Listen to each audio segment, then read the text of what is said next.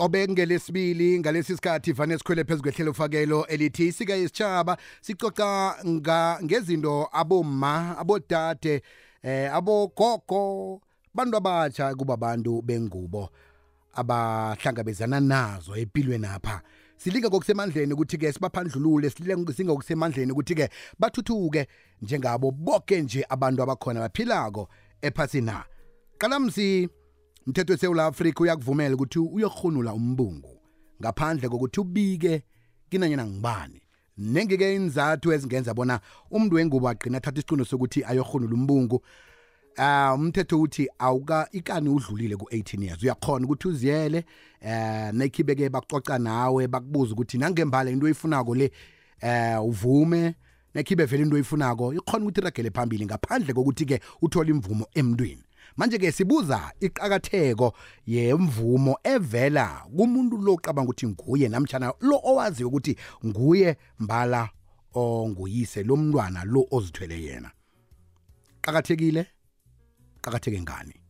Ayikaqakatheki? Ayikaqakatheki ngani? Ngoba namuntu ke angatsho ukuthi awa mina nginamahlelo empilweni nami i9 months le eh befana thana ngibasidisi yona. Kunezinye izinto efanele ngiyozenza. Angeke ngikhona ukuthi eh ngi thwale umntwana.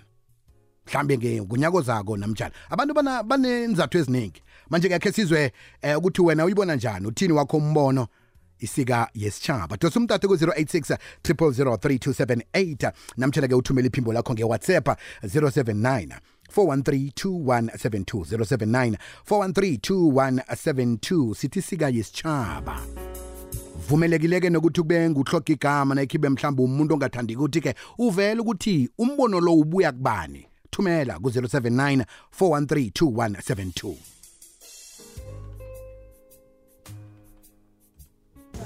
akwanda biziwe ukhuluma nosolindelana ubhetha kanzuza esiyabusasi aha. Eh biziwe umuntu nakendileko sibuze akanalo ilungelo lokuthi azilawule akanalo ilungelo lokuthi azithathele ama-decision ayi-one ukuthi umthetho uthi. Ngani ushade nomthetho nabiziwe ushade nomthetho umthetho lo kushadileko busiwe umthetho we-government e-south africa. Ushade nawo nana ushade nawo uzakwenza lokho ufuna ukuwenza buziwe mara nawendrileko wendreke omunye umusi wendreke omunye esinye isibongo bisiwe ubonisana nobaba lapho ubonisana nobaba kwakho ukhulumisane nayo hlale phasi nibonisane nikhulume le nto um nibonisane ngayo ukuthi ngengiphi i-decision enithathako hayi ukuthi umzimba nanguwakho fanele wenze into oyifunako uyenza ngakwabani? Hlala ungendri musoba hlale emakhabo bangendri bisiwe benze le nto bafuna ukuyenza azithathele i-decision ngoba ufuna ukuzenzela akahlale kangendri ke bisiwe akunamthetho ngaphakathi kwemisi umisi loyo okhona la wendre khona kunomthetho walapho. Hayi wombuso asikazi ukuberegisa umthetho wombuso ngaphakathi komsi wami ngoba akwakajada umthetho ujade ngumahlangu lapho. Ngizolindelana ubetha kanzuza esiyabusosini siyathokoza mlunga ngombono khumbula-ke umbono evelako ayikazi ukuthi iqaliswe ekuziphenduleleni kwe-sabc namtshana imbono yonke evelako ngeyomlalela isiyo ye-sabc ngiqalela ku-tiktok ngoba nasi-live naku-tiktok kukhe ngibiziwe eh unithathile p machika uthi yena ungamtshela ukuthi eh usidisi kodwana nayikhibe awusi-ready uvumelekile ukuthi ukhambe uyomkhupha umntwana lo namtshana ke eh isidisi leso ukhambe ke uyosihunula kodwana eh yena umtshele umazise ukuthi nakhu engiyokwenza. Guys siyathokoza khe sizwe ngapha kuwhatsapp kuthi kuthiwani khona hayi khona biziwe. Hayi khona nangu umbuso kwadlawulana. Hayi khona biziwe ngiyakuzwa lapho udose ingwenya ingwenya zihlangene straight lapho. Ya no leyiladelwe khona faka i-airtime nje. Siyathokoza mna kwethu. Wande kingpin eh kingpin ngalesihloko lesibo sitsho eh mina ngicabanga ukuthi kingpin em nathi abobaba sinayo ilungelo lokwazi ukuthi uyafuna ukusigcina isisu noma awufuni ukusigcina. If ubaba uyavuma awa ungasikhipha. Mara kodwa if akavumi kwazi nje kwazi live ukuthi maybe umntwana wakho wokuqala and umntwana wakho wokugcina. Yilokho kuphela bengifuna ukusho. Yazi mntwana kwethu veza nephuze elinye bengakalitshedi la. Um asiyithathe siyilethe nangapha. Uyakhona ukuthi mhlambe ungubaba uthi hey makwami ngiyabona ukuthi ngikwenziwe wabasidisi. Kodwana ke angicabanga ukuthi isikhathi esilungile ukuthi ke singaba nomntwana mina nawe. Wena thothi mhlawumbe umfuna umntwana. Kodwana isiqundo engiso ngiso ngesalo osidisi ukuthi uyafuna na yena ukuthi awuhunula umbungu lo namtjana awana nekhibe yena udawa noma mina vele umntwana lo ngiyamfuna. Awunalo ilungelo njengobaba uthi "Mm, hunula hunula shuthi nawenza njalo sowuhlukumeza amalungelo wakhe. Iwe biziwe hayi biziwe. Abomama bathanda ukufihla biziwe ne? Yazi ufihla mabafihla abomuntu abantu bengubo bathanda ukufihla. Thola umuntu a- asidize angeke akhulume atshele indaba ati yena umthalo lo awuthole ungakwabani lotsha biziwe ku-93.8 kwamhlanga ithemba lethu nango-richard mbonani. Biziwe mina awa le yokuthi mntu urhulule umbungu angiyiboni kumbono omuhle. Isizathu sokuthi ngitsho njalo nawenza izinto umuntu kufuze wazi ukuthi enye nenye into oyenzako inomphumela wakhona. And kungaba mphumela omuhle kungaba mphumela omumbi. So awukwazi ukuthi sele se utholile loyo mphumela wokuthi sewuzithwele then bese kuthi wena uyorhulula umbungu. Awa ngiyala. Ethemba lethu ngurichard mbonani. Thank you. siyathokoza mbonani. Eh stophe umunye um- umbono la nguthola la ku TikTok ukhutswa M7 uthi iye ngikho qhakathekile ukuthi nani babili msebudlelwaneni nande nicocisana ngendwezi khona niza kuvela nesombululo semiraro ekhambi bakhona ebudlelwaneni. Eh kutsho ukhutswa M7 kanti ke laphanyana eh, ku TikTok eh umafiki uthi ngiyamtshela biziwe bese ngimtshela inzathu zami zokuthi ngingafuni ukuthi ngibe umuntu ozithwalako. Okay angiyibeke ngihlalise kuhle. Uzithwele vele already ngiyamtshela biziwe. Kodwa ngimtshele inzathu zami zokuthi ngingafuni ukuthi ngibe nomntwana. Ya hlezi ke nanjalo. Thembizwakela eh sibuyele lapho ku WhatsApp Hayi biziwe, ngicela ungasisho igama ngenxa yomsebenzi uzogcina usigiphile biziwe cela kuma-assistant-ke bathi bayocesha laba ama-pregnant. Koko sengisikhiphe biziwe ngisikhiphele ngisho nombereko lo ngiyawudinga nawo. Uzowenza njani? Yezwakala tatabo sethokoza ungalalela ihlelo olithandako nelikuphundileko ngesikhathi sakho. Ngena kubunzinzolwazi bomrhatsho uthi ikwekwecfm co za usume upodcast bese ukhetha ihlelo olifunako. Mbono ovela lapha ku TikTok kumsalufu uthi King Biziwe naningafuna umntwana sebenzisani ngikhandela imbeleko. Finish and clear okay yezwakala. Study mutano. Siyathokoza ukuthi ukhambisane nathi bunqopha lapha ke ku TikTok King Biziwe.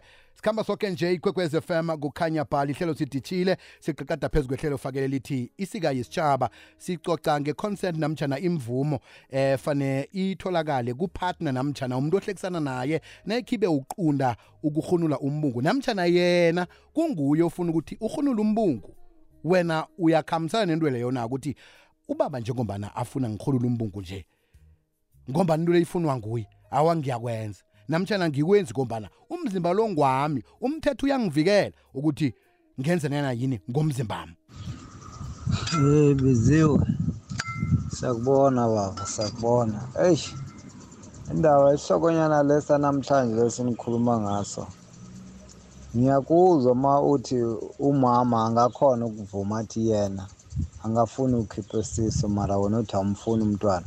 Right, makangasiphatha lesiso. Makaqeda athola umntwana. uyobuya kimi futhi athi kumele ngisaphote umntwana mina ekuqaleni ngithe umntwana animfuni uyabona nayo le inkinga uyohlukumeza mina nokunibizela amaphoyisa mus anganibizela amaphoyisa and mina ngishilo kokuqala ukuthi umntwana animfuni uyayibona ukuthi irongo nayo naleyo ngiyakuzwa mna kwethu ngiyakuzwa mna kwethu ungadosa-ke nabunqopha ku-086 3278 086 3278 ukhumbula-ke ihlelo leli ungakhona ukuthi uligadangise ube nalo ulabelane nabanye. Chinga lapha ku-www uh, ikwekwezfm co za uye lapha ekuhlolwe khona podcast. Uyithole i-podcast khona ukuthi ulilalele nangesikhathi esizako.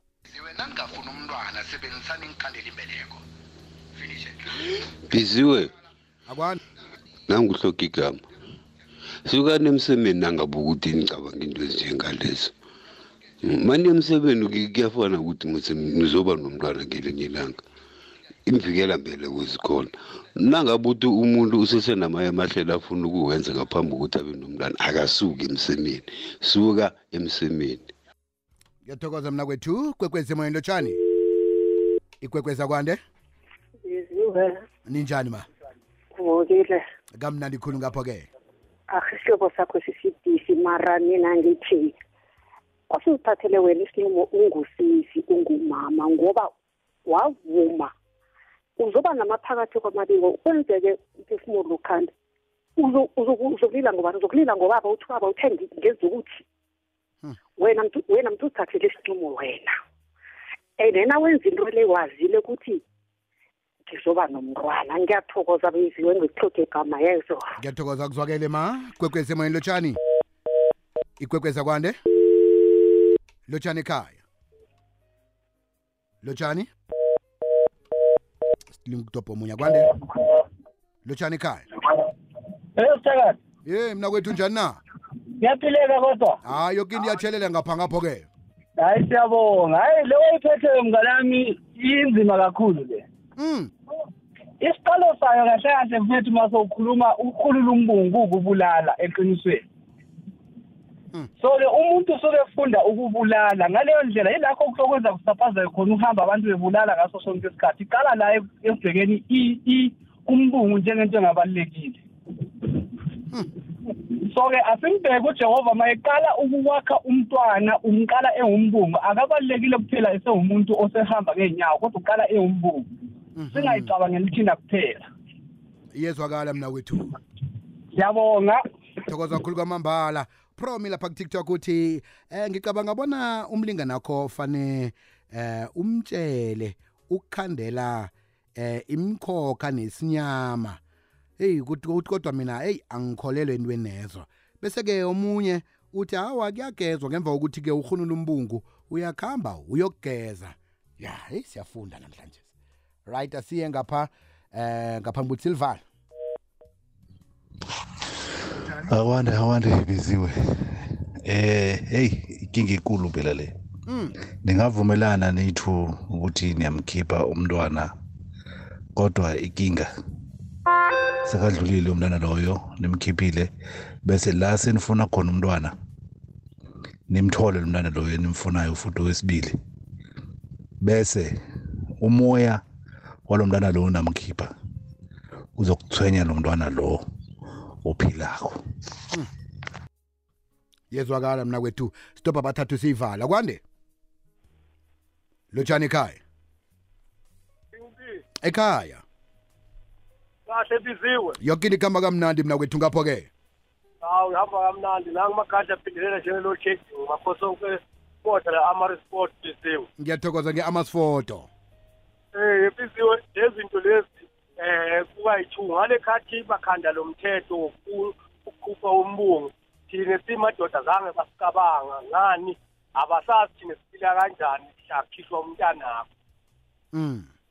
So thina siza kubona kusindezela bomama babona bavuna bona. Kodwa la ifika ishaye khona kakhulu lesikhathi bomama sekagcine umntwana mina ngingamfuni ngiyazazi ukuthi angikho right financial masamtholile sobuya kimi kodwa namaphoyisa. Mm. yayibona i- isimaza sonke lento ikomo ngale emthatha khathi ya ngale khathi ba- bakhanda lo mthetho ukhipha umbuku thina zange basibuka simadoda. Ngiyathokoza mna kwethu izwakela ngitsho yabonga ngibakho sonke la i-amasport aha. Kwekwezi emoyeni lotshani?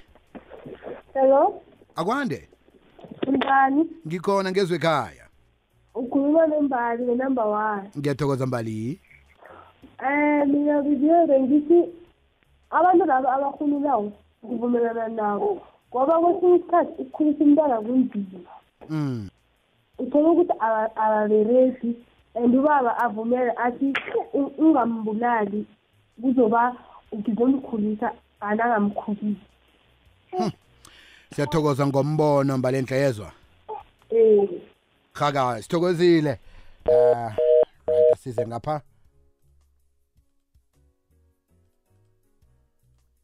ngiyathokoza yabiziwe. Hayi ngehlangothini lesintu sethu. Kubuhubuka namkha vele ayisiyindlela etetsha leyo rhulula umbungani ngoba vele umuntu onguma kufanele abe nabo abantwana and ngesikhathi esitetsha kunokuthi abarhulula umbungu kufanele abatsho athi ngiyakhandela ngiyavimba. Iye. Cala esikhathini esiza ukuba sihlekisa namkhana ungasakeri abantwana ngakho ngithi mhlambe vele akuvumakala akufuneki. Iye ubaba ungamtshela mara nanizwanawo namkhana abazwanawo kuyatsho ukuthi bobabili into abayenzawo isihlekisa namkha vele imari yahlala ngakarisiko kujabu mahlangu siyathokoza mlungwa. Kwekweza kwande? Kimpi. Ekhaya. Ngikosini ithalo zana nguthathana komfungela masele okhulumako. Ngiyathokoza dlambile kimpi. Imveke mbili imveke mbili zinenkhulu for inkhandelambeleko egengeni anje zinenkhulu. Ya abasaca- abasazisebenzisi into zo king b. Hmm.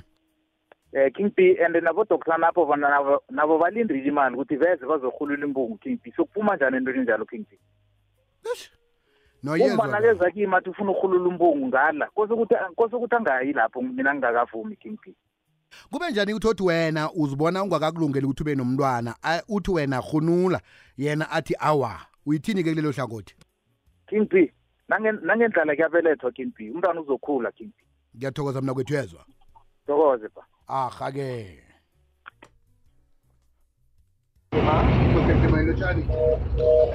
Eh bisiwe. Akwande. Ngiba uba ngihloka igama man. Nento lekhe yangibamba nami. Mm. Omunye usesi siyazeba lapha awa kwabanjalo. Hey, ngamrabhela biziwe ngathi no man ngiyakurabhela. Ngiba ukhiphe man ngiyakubawa. Hey, ngaba nechudu wavuma mara tot namhlanje esilo sesi hey akasafuni nongibona la ngikhamba khona. Ngoba ngiyazi ukuthi ngiyathani zange asikhipha eh ngathani ngisenyanyeni nje ngoba buziwe ngithethe eh manje singathani ngisenyanyeni ekulukulu so hey yayinzima biziwe ngiyathokoza mntwana kwethu siyathokoza kibo boke abadosileko nabo boke nje abathumela ama-voice note nalabo-ke abatlole lapha-ke kutiktok. Sithokoza khulu kwamambala. Uyakhona ukuthi ulithole ihlelo leli-ke kupodcast yekwekwez fm oyithola ku-www kwekwez fm co za qobe ngabo losibili liba khona ihlelo leli elithi sika yisitshaba siyewumeni